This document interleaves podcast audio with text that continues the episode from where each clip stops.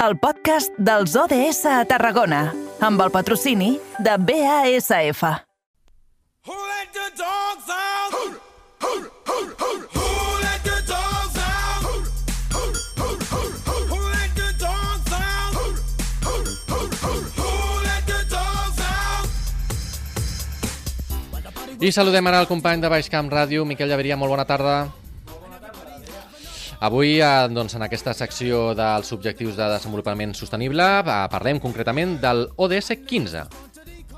Així és, a l'ODS 15 de vida d'ecosistemes terrestres, encara que avui no parlarem d'ecosistema com a tal, però sí d'uns éssers que en formen part, com a mínim, del nostre ecosistema quotidià, però és que de vegades els ignorem. Les nostres mascotes, els animals que ens fan companyia, gossos, gats i d'altres espècies que de vegades també acollim i que de vegades aquests amos, aquests propietaris, diguem que no els tracten com mereixen. Per sort, existeixen persones que treballen durament dia a dia per intentar donar-los un lloc en aquest món i una vida millor amb aquests companys peluts i, sorpre...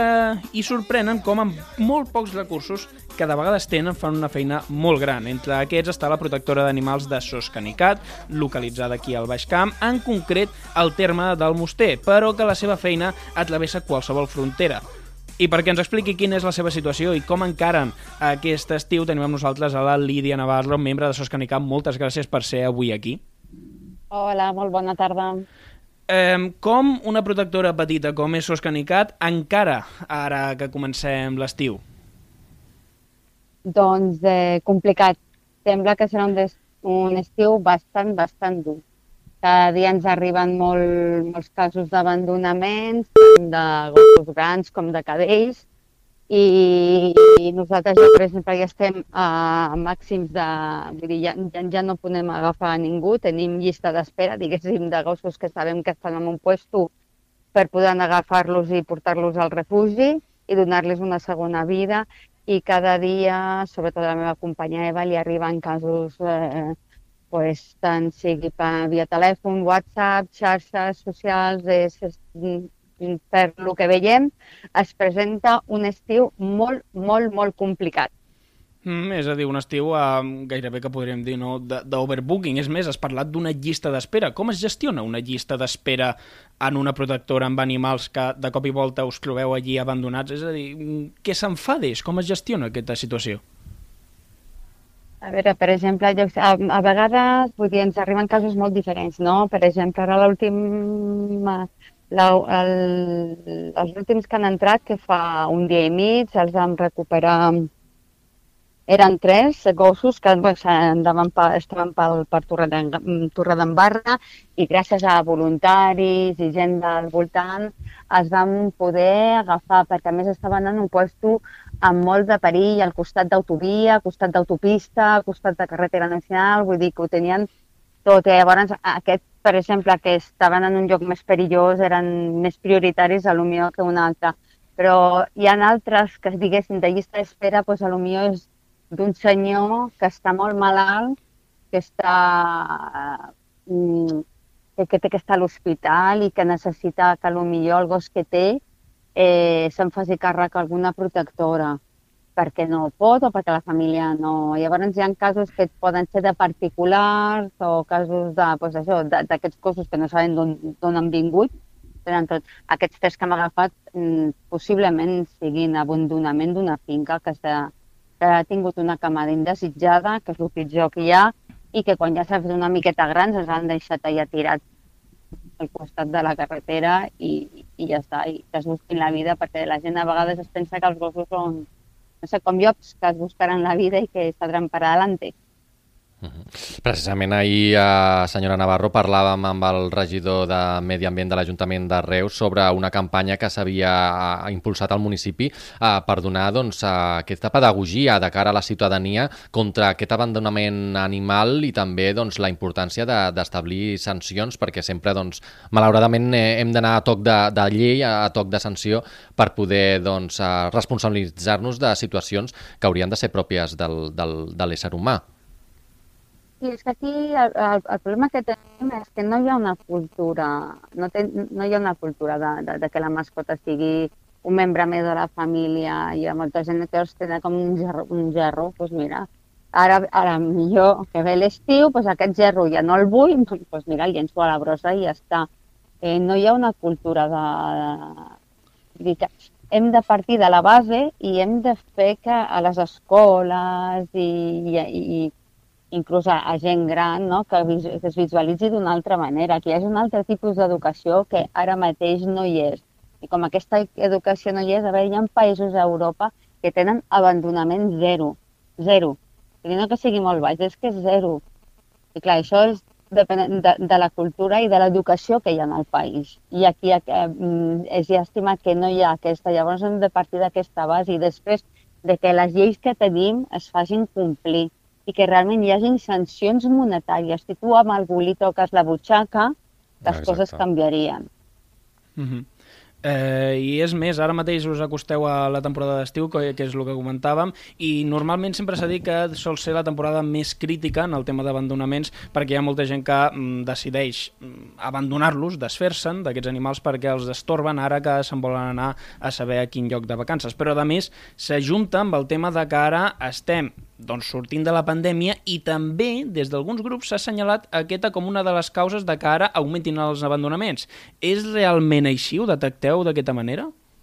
Sí, sí, és veritat. Estem detectant que, a veure, amb el tema de la pandèmia van pujar moltes les adopcions, vull dir, van pujar moltíssim, era increïble la quantitat de gent que et demanava gossos per adopció, eh, no només nosaltres, que som una associació petita, però protectores molt grans, que passaven de tenir a lo millor 500 gossos a, a tenir 150, que és una brutalitat, eh, a que ara, per tota aquesta gent que, que, que volia, per- perquè tenia temps, o perquè era una de les excuses que podies sortir de casa, tenir gos i anar a passejar-lo, sembla molt dur, però hi ha molta gent que ho va fer així, i que ara de cop i volta, com ja tenim més llibertat per sortir i tot això, doncs mira, el gos que havies agafat de, en adopció, doncs ja et molesta i ja no el vols. Llavors, eh, sí que és veritat que, que sortir de la pandèmia ha perjudicat a que, amb l'abandonament de gossos.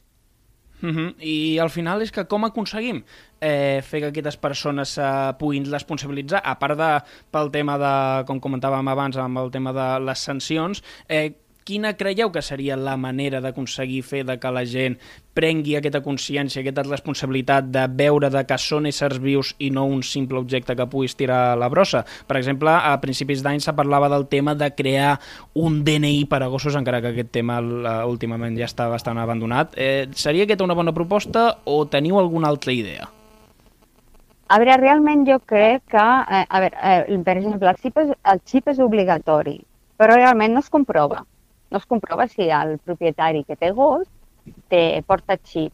Llavors sí que és veritat que això es tindria que fer molt a nivell, clar, eh, a nivell, per exemple, d'ajuntaments, perquè és, realment és la localitat que és la més petita, diguéssim, l'estat, eh, a la part de l'organització que és més petita, que podria, tindria que fer un control que els gossos que hi ha al seu municipi estiguin realment al dia tant en xip com en vacunació i eh, amb l'esterilització obligatòria, que ara no hi és l'esterilització obligatòria perquè algú que va a un criadero compra un gos de raça eh, el pot fer criar i vull dir, no fa falta que l'esterilitzi, inclús el pot fer criar. Llavors, eh, jo crec que una de les, una de les coses és que hi, ha, hi hagués realment una esterilització obligatòria tal i com nosaltres fem.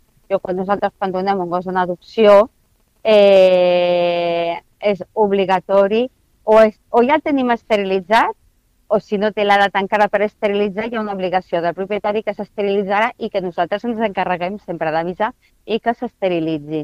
Llavors, xip de document, eh, conforme esta, este, té, té el xip al gos, que estigui tota la seva documentació de vacunació al dia i l'esterilització. Si eh, realment es comprovés aquestes tres coses, jo crec que reduiria molt tant els abandonaments i, i el tema de, la, de, de les camades indesitjades. Però, clar, si no es controla... Clar, tu per moltes normes que poses, si, no les, si tu no fas un control, eh, és, molt, és, molt difícil, és molt difícil. Això és com quan anaves abans amb el cotxe sense cinturó de seguretat i a partir d'un moment es va tenir que posar sancions perquè tu no te'l posaves. Doncs, bueno, hi havia, hi havia parades, hi havia policies i cada vegada... Clar, la gent, al començament, a molta gent li van posar multes, perquè paraven i comprovaven. Ara no hi ha quasi ningú, jo crec que no es posi el cinturó. Doncs això és el mateix, es tindria que haver realment controls de que realment es compleixin les lleis. Mm -hmm. eh, és més, el que comentava el meu company l'Adri sobre el regidor de Reus també, eh, Daniel Rubio parlava sobre, sobre que ara perseguirien o intentarien seguir el tema de que la gent xipés, de que primer eh, farien així com un avís i després si veiessin de que a través de l'avís no ho aconseguien, de que hi haurien sancions. Eh, és a dir, que eh, això que comentava Daniel Rubio és el que tindrien que fer tota la resta d'ajuntaments del territori. Informar de que estan obligats a xipar el gos i si després comproven de que no ho han fet, doncs que caigui una sanció.